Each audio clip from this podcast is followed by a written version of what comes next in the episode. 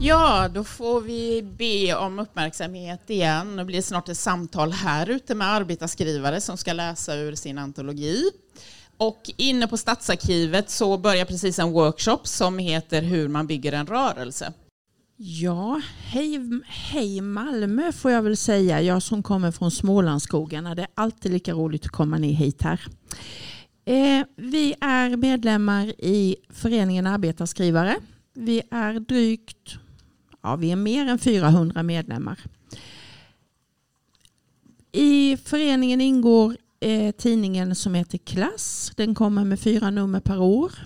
Och vartannat år ger vi ut en novellsamling. Och då går det till så att föreningsmedlemmarna skickar in texter. De avidentifieras och bedöms av en jury. Så när vi kommer ut med våra antologier så är det blandat med etablerade författare och debutanter. Och Det betyder också att vi får väldigt många nya röster som hörs ifrån arbetarrörelsen. Jag heter Mia Olander och mitt eh, bidrag till den här novellen, eller till den här antologin, den heter Likvärdiga livet. Jag har jobbat som lärare i många år och oftast så är det bara skollunchen som är likvärdig i dagens skola. Fast det får man inte säga så länge man är anställd i kommunen. Men nu är jag inte det längre så nu kan jag säga vad jag vill. Texten handlar om en tjej som är ett slags hopkok utav alla de här kaxiga tjejerna som jag har mött genom åren i skolans värld som inte bara ska se till att fixa sin utbildning utan också hålla ihop sitt liv och kanske också sin familjs liv. Och klassperspektivet syns inte alltid i klädsel men jag ser klasskillnaden i det sätt man pratar. Och som ung tjej så kan man säga så här. Jag tänker studera till psykolog. Det tror jag är ett intressant och utvecklande yrke som berikar mitt liv. Då vet man att man inte pratar med någon från arbetarklass. Det kan också låta så här. Jag drömmer om att bli psykolog. Då skulle jag kunna hjälpa andra som också mår skit.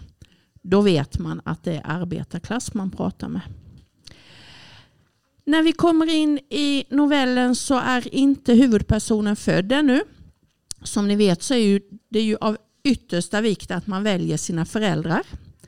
Den här tjejen har gjort ett lite sämre val kan man säga. Eh, och det lär hon ju upptäcka så småningom. Min mamma fick en ungdomspraktik för skoltrötta i skärken på Domus. Den praktiken skötte hon bra. Så bra att hon inte behövde studera mer utan fick avancera till sminkavdelningen. Jobb på sminket betydde råd med en kommunal etta med kokvrå och tvättstugenyckel till källaren i huset bredvid. Det betydde också samvaro med andra kvinnor på Domus. Sånt leder inte till psykologistudier men väl till Tupperware-partyn. Plastpartyn, det såg min mamma vid, det här, vid den här tiden i livet som något väldigt märkvärdigt. Det var vuxet och lovande. Tänk att få samla på sig en hel köksuppsättning med burkar och slevar som skulle hjälpa till att hålla livet på plats. Hon beställde stapelbara fryslådor i olika storlekar och en bunke med lock som inte föll av när bunken hamnade upp och ner. Sådana bunkar kan rädda en hel dag, sa försäljarkvinnan. Strax därefter fick min mamma möjlighet att bli försäljare själv med egna möten. Det var så hon lärde sig hur ett snyggt hem skulle se ut. Plastpartyn hölls med fördel i villor med stora kök och stadiga inkomster. Min mamma tittade och lärde. Bytte upp sig till en rejäl tvåa med balkong och började också erbjuda städpartyn. Partyn där lösningar på livets problem var magiska trasor, doftspray som tog bort obehag och trolleridroppar som rensade vilket avlopp som helst. Hon partajade så till den milda grad att hon vann en resa på Finlandsfärjan. Fast kanske inte riktigt Finlandsfärjan utan mer en båt som gick åt Tyskland till. Och det var där hon träffade min pappa. Han hade redan träffat en annan och var därför gift den där gången på båten. Mormor blev tvärilsk och skrek åt mamma. Fast det kunde jag ju inte höra vid den här tiden. Jag var ju liten som en ärta och hade obefintliga öron. Men mormor skrek att så gick det när inte mamma ville lyssna på henne och bli hårfrisörska. Och med mig i magen blev det andra gången som mamma kom bort sig. På sminket kunde hon inte jobba kvar för hon blev alldeles plufsig och pletig i ansiktet och foglossade bort nästan hela sin gångförmåga. Istället sa hennes chef till henne att hon skulle jobba med att köra handtruck på lagret och vika kartonger. Då gjorde det alldeles helvetes ännu ondare. Det tyckte mamma inte alls var roligt. Och alldeles passligt så la Domus ned både sminkavdelningen och skärkdisken. Och med det blev min mamma gravidarbetslös. Det gjorde henne helt förlorad och förvirrad. Hon grät och ville först ta bort mig och sen behålla mig kvar. Och sen visste hon ingen råd. Men då kom Veronica. Hon hade en egen villa med en extra lägenhet och en kraftig stämma. Min mamma behövde både lägenheten och Veronicas röst eftersom hon var lika bortkommen som en udda vante. Veronica hade huset efter sin första man. Han hade gått i konkurs men innan dess hade han skrivit över funkisvillan på Veronica.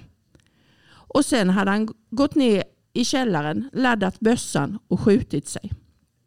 Veronica bodde kvar men hon slutade safta och sylta eftersom det var i matkällaren han hade begått det där självmordet. Veronica träffade istället Bo-Erik och fick två barn. Men det tyckte inte hon gjorde livet något roligare. Så Bo-Erik fick flytta ut och mamma flyttade in i lägenheten på andra våningen. Och där låg hon med mig i sin mage och kände sig ganska nöjd. Hyran var lägre och Veronica var glad åt ett mer okomplicerat sällskap. Där stannar jag.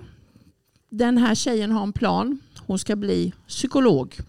Men hon ska gå lite annorlunda väg har hon bestämt sig.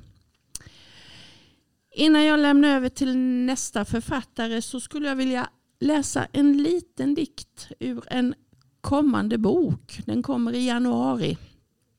Den heter Oskiftat arv. Och det här är en dikt om arbete också.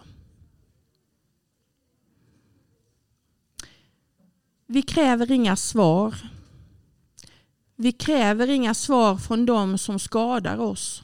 Vi kräver oss själva på svar. På förändring, på förvandling, på förvanskning. Skadegörarna låter vi slippa undan. Det blir, de blir aldrig någonting annat än suddiga övervakningskameror och taggar och nuddisar och blippar och, och, och skuld för att vi stammar när vi ska säga ifrån att vi inte vet hur det ska gå till att jobba smart och lean och NPM med de där. De där som är så små och nya i systemet eller små och gamla i systemet. Ineffektivt trötta, uppgivna eller oväntat nyvakna och sänkta av sjukdom i både kroppen och systemet. För glöm för helvete inte att också systemet bär tecken av ohälsosamma mikrokollapser och vi skuldbär att vi aldrig skulle ha varit här. På fel plats vid fel tid. Se nu hur det gick med de där osmarta felvalen som var våra egna skylda i självbeslut. Och så upphör vi för stunden på platsen. Låtsas som om vi tar självständiga beslut och så sparar vi ihop lite till på litenhetens konto. Snart är vi så små att vi inte syns. då kommer vi fram ur skuggorna för att förbereda mörkret. Tack.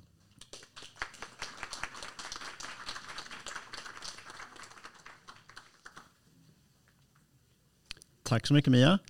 Ehm, vi har ett eh, bokbord där borta också. Där eh, Birks gula Greta Thunberg-regnrock eh, ligger ungefär. Ehm, och där kan man hitta vår senaste antologi och lite andra böcker. Um, we have so many international guests here, which is nice. So I will read uh, one of my poems that is translated to English. Uh, uh, the translator's name is Samuel Owen Teeland. All right.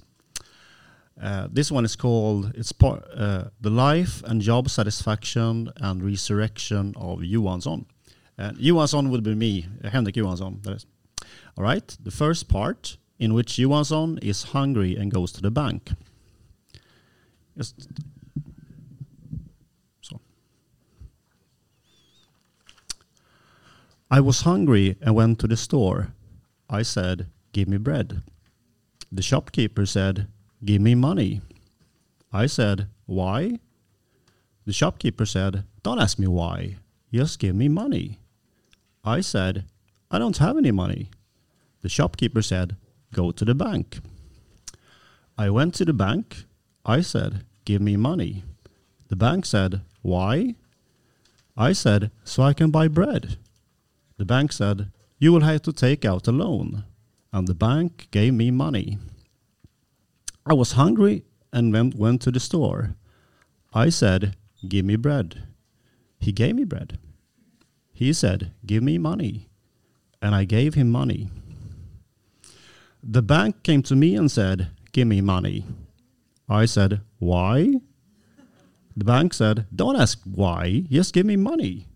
I said, I don't have any money. The bank said, Get a job. I went to the job service. I said, Give me a job. The job service gave me a ticket. I said, Give me a job. The, the job service gave me an application form. I said, Give me a job. The job service said, I have no jobs. I said, Why? The job service said, If everybody had jobs, nobody would want to work. I said, Really? The job service said, All jokes aside, what kind of job do you want? I said, Anything. The job service said, said, You have to want something, otherwise, I can't help you. I said, I want to be an astronaut. The job service said, Our assessment is that the demand for this work will remain low for the foreseeable future. I said, In that case, I want to become a rock star. The job, job service said, Do you want to be a shopkeeper? I said, No. The job service said, Do you want to work at the bank? I said, Absolutely not. The job service said, What do you enjoy doing? I said, I like eating bread. The job service said, In that case, you can train to become a baker. Tack.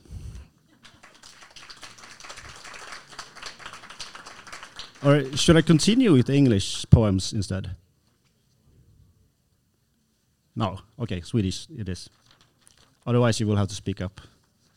Um, eh, texten som jag har med den här är också den första dikten som är med i den här diktsamlingen som jag kom ut med lagom till bokmässan för en månad sedan. Som heter Fruktansvärda arbetsplatser jag besökt och de vackra människor jag där mött.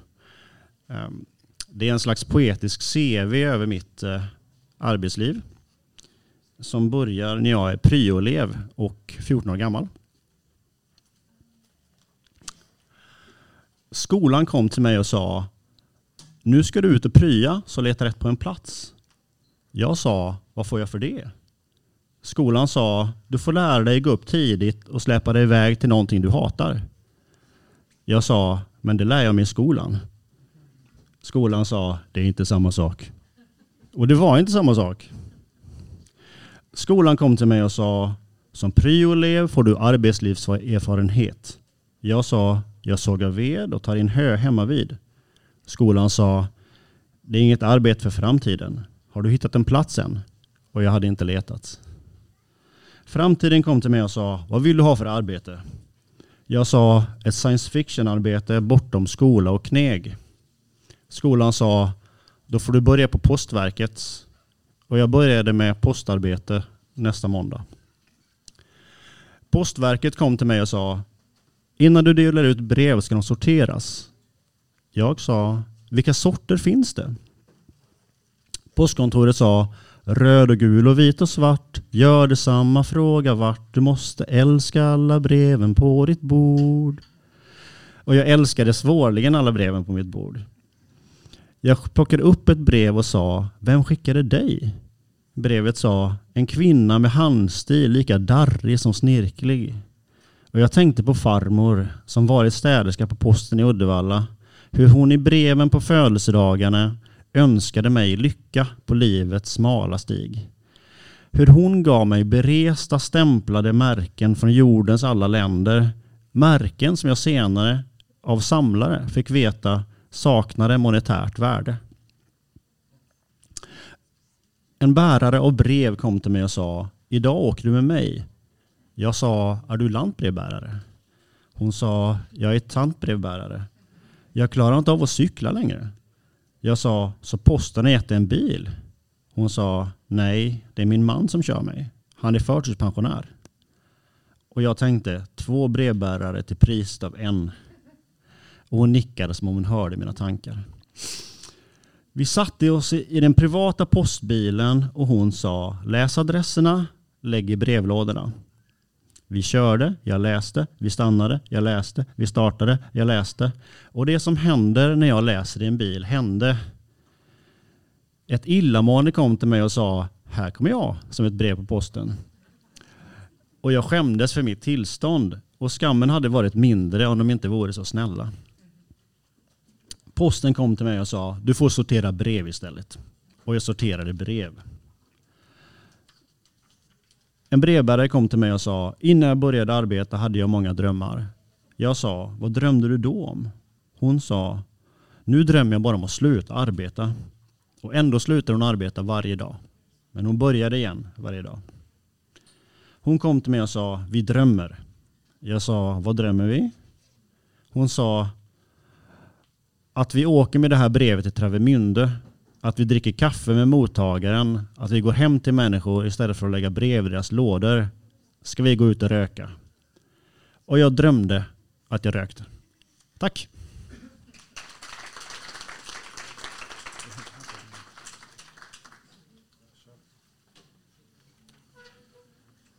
Hej, eh, jag heter Magnus Gustafsson. Jag är också medlem i föreningen Arbetarskrivare. Och jag ska läsa en dikt som heter eh, i framtiden ska vi vandra på Agda Östlunds boulevard.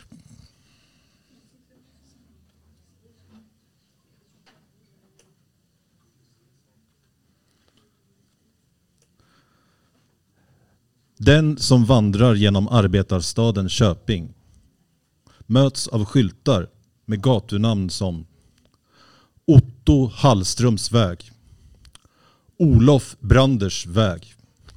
Svedelius väg. Ringenssons väg. Arbmans väg. Arpi väg. Karl den femtondes väg. Rudbeckiusgatan. Engelbrektsgatan. Skelegatan. Sankt Olofsgatan. Skenströmsgatan. Dybäcksgatan, Gatan Hisingsgatan och Theodor Dahls gata. Otto Hallström var kapitalist. Olof Brander var rådman. Svedelius är en prostsläkt. Johan Lars Ringensson var läkare. Gottfrid Arbman var apotekare. Josef Arpi var jägmästare. Johannes Johannis Rudbeckius den äldre var biskop. Karl Wilhelm Schele var apotekare. Sankt Olof, eller Olof den helige, var en norsk kung. I släkten Schenström finns borgmästare och domare. Rickard Dybeck arbetade vid Svea hovrätt. Anders Erik Kilman var borgmästare och häradshövding. Olof Hising den äldre var befallningsman. Sonen Karl var kyrkoherde och sonen Mikael var kapitalist. Theodor Dahl var arkitekt. Förutom kooperationens banbrytare Martin Sundell, som var med och grundade Kooperativa förbundet, är arbetarna själva en anonym massa i sin egen stad. Det är istället överhetens män som dominerar bland minnesmärkena. Agda Östlund växte upp i ett arbetarhem. I ett Köping och i ett Sverige där de flesta människor saknade politiska och fackliga rättigheter. Ett fattigt land med privilegier för de få och med misär för de många. Hon såg tidigt bristerna och orättvisorna i samhället, kom i kontakt med arbetarrörelsen och blev socialist. Hon bibehöll hela livet en orubblig tro på den demokratiska socialismens idéer. Hon var med och byggde upp den socialdemokratiska kvinnorörelsen och blev en av de fem första kvinnorna i riksdagen. Hon har givit oss en bild av hur ett liv kan vigas åt att förbättra för andra människor och ge dem möjlighet att förverkliga sina bästa stämningars längtan. Hennes oförtröttliga och tålmodiga kamp för människovärde åt alla ska tjäna som exempel, ge näring åt våra drömmar, gestalt åt våra visioner och lysa upp vår väg när vi i framtiden vandrar fram hand i hand på Agda Östlunds boulevard.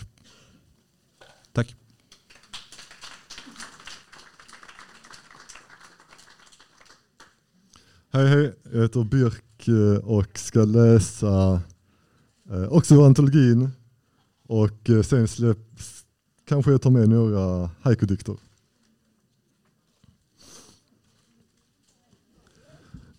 En bil stannar, han går ut, kontrollerar. Hälften kvar, det är bra. Med dåligt resultat gick stickprov. Jag gör mitt bästa för att förklara men har inte blivit bra på att ljuga och han har inte blivit människa. För tre timmar sedan, försening igen. Ni måste dela ut allt. Det finns inget alternativ. Alla måste få sin tidning innan de åker till jobbet. Deadlines, tryckeriet, transporten. Problemen sipprar neråt. Lösningarna tar inte samma väg. Om ni går till facket får ni sparken. Om ni strejkar får ni sparken. Ni är ett sms ifrån att få sparken. Jag vill tro att det finns omständigheter som gör skillnad. Förklaringar som inte kan kastas bort. Att lösningar utan alternativ blir som det blir. Några i brevlådorna, några i en container, några i en annan. Det gäller att sprida ut riskerna, men det börjar kännas som inte längre orkar. I en trapp sätter jag mig och torkar. Chokladbars är inte lunch. Skrapar med en tidning mot sulan. Efterlämnar några partiklar. Avslutar passet som det började. Spelar någon roll att fuska lite mer än bara lite. Några i brevlådorna, det sista i en container. Det finns inte mycket mer att skriva om. Det finns inget intressant med tidningsutdelning. En bil stannar, han går ut, kontrollerar. Det är tomt. Bra. Ösregn, hundbajs, hunger. Arbetsmiljöbrott, kriminella gäng, poliskontroller. Till slut blir allt rutin.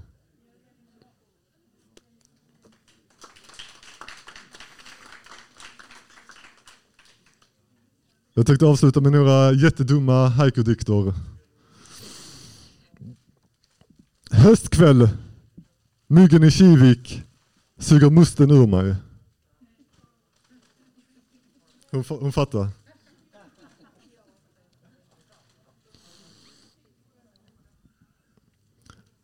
Öppna kontorslandskap. Utan väggar går fler in i dem.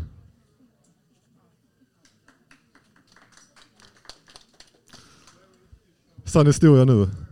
Barnet som försvann under kurragömman vann.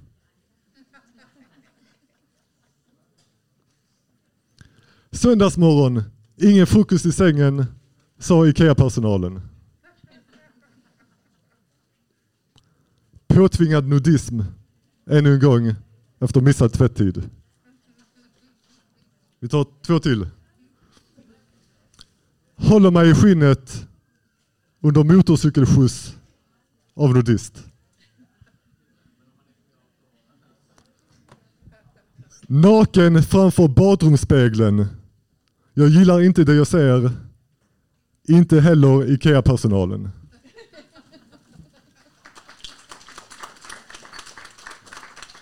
Eh, tack så mycket. Eh, och vi har eh, böcker och sånt där framme, där borta.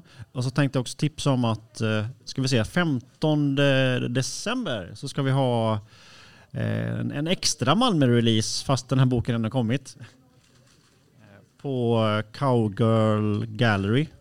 Som eh, eh 15 december kan ni skriva upp. Och då blir det eh, några av oss tror jag och några andra extra. Tack så mycket.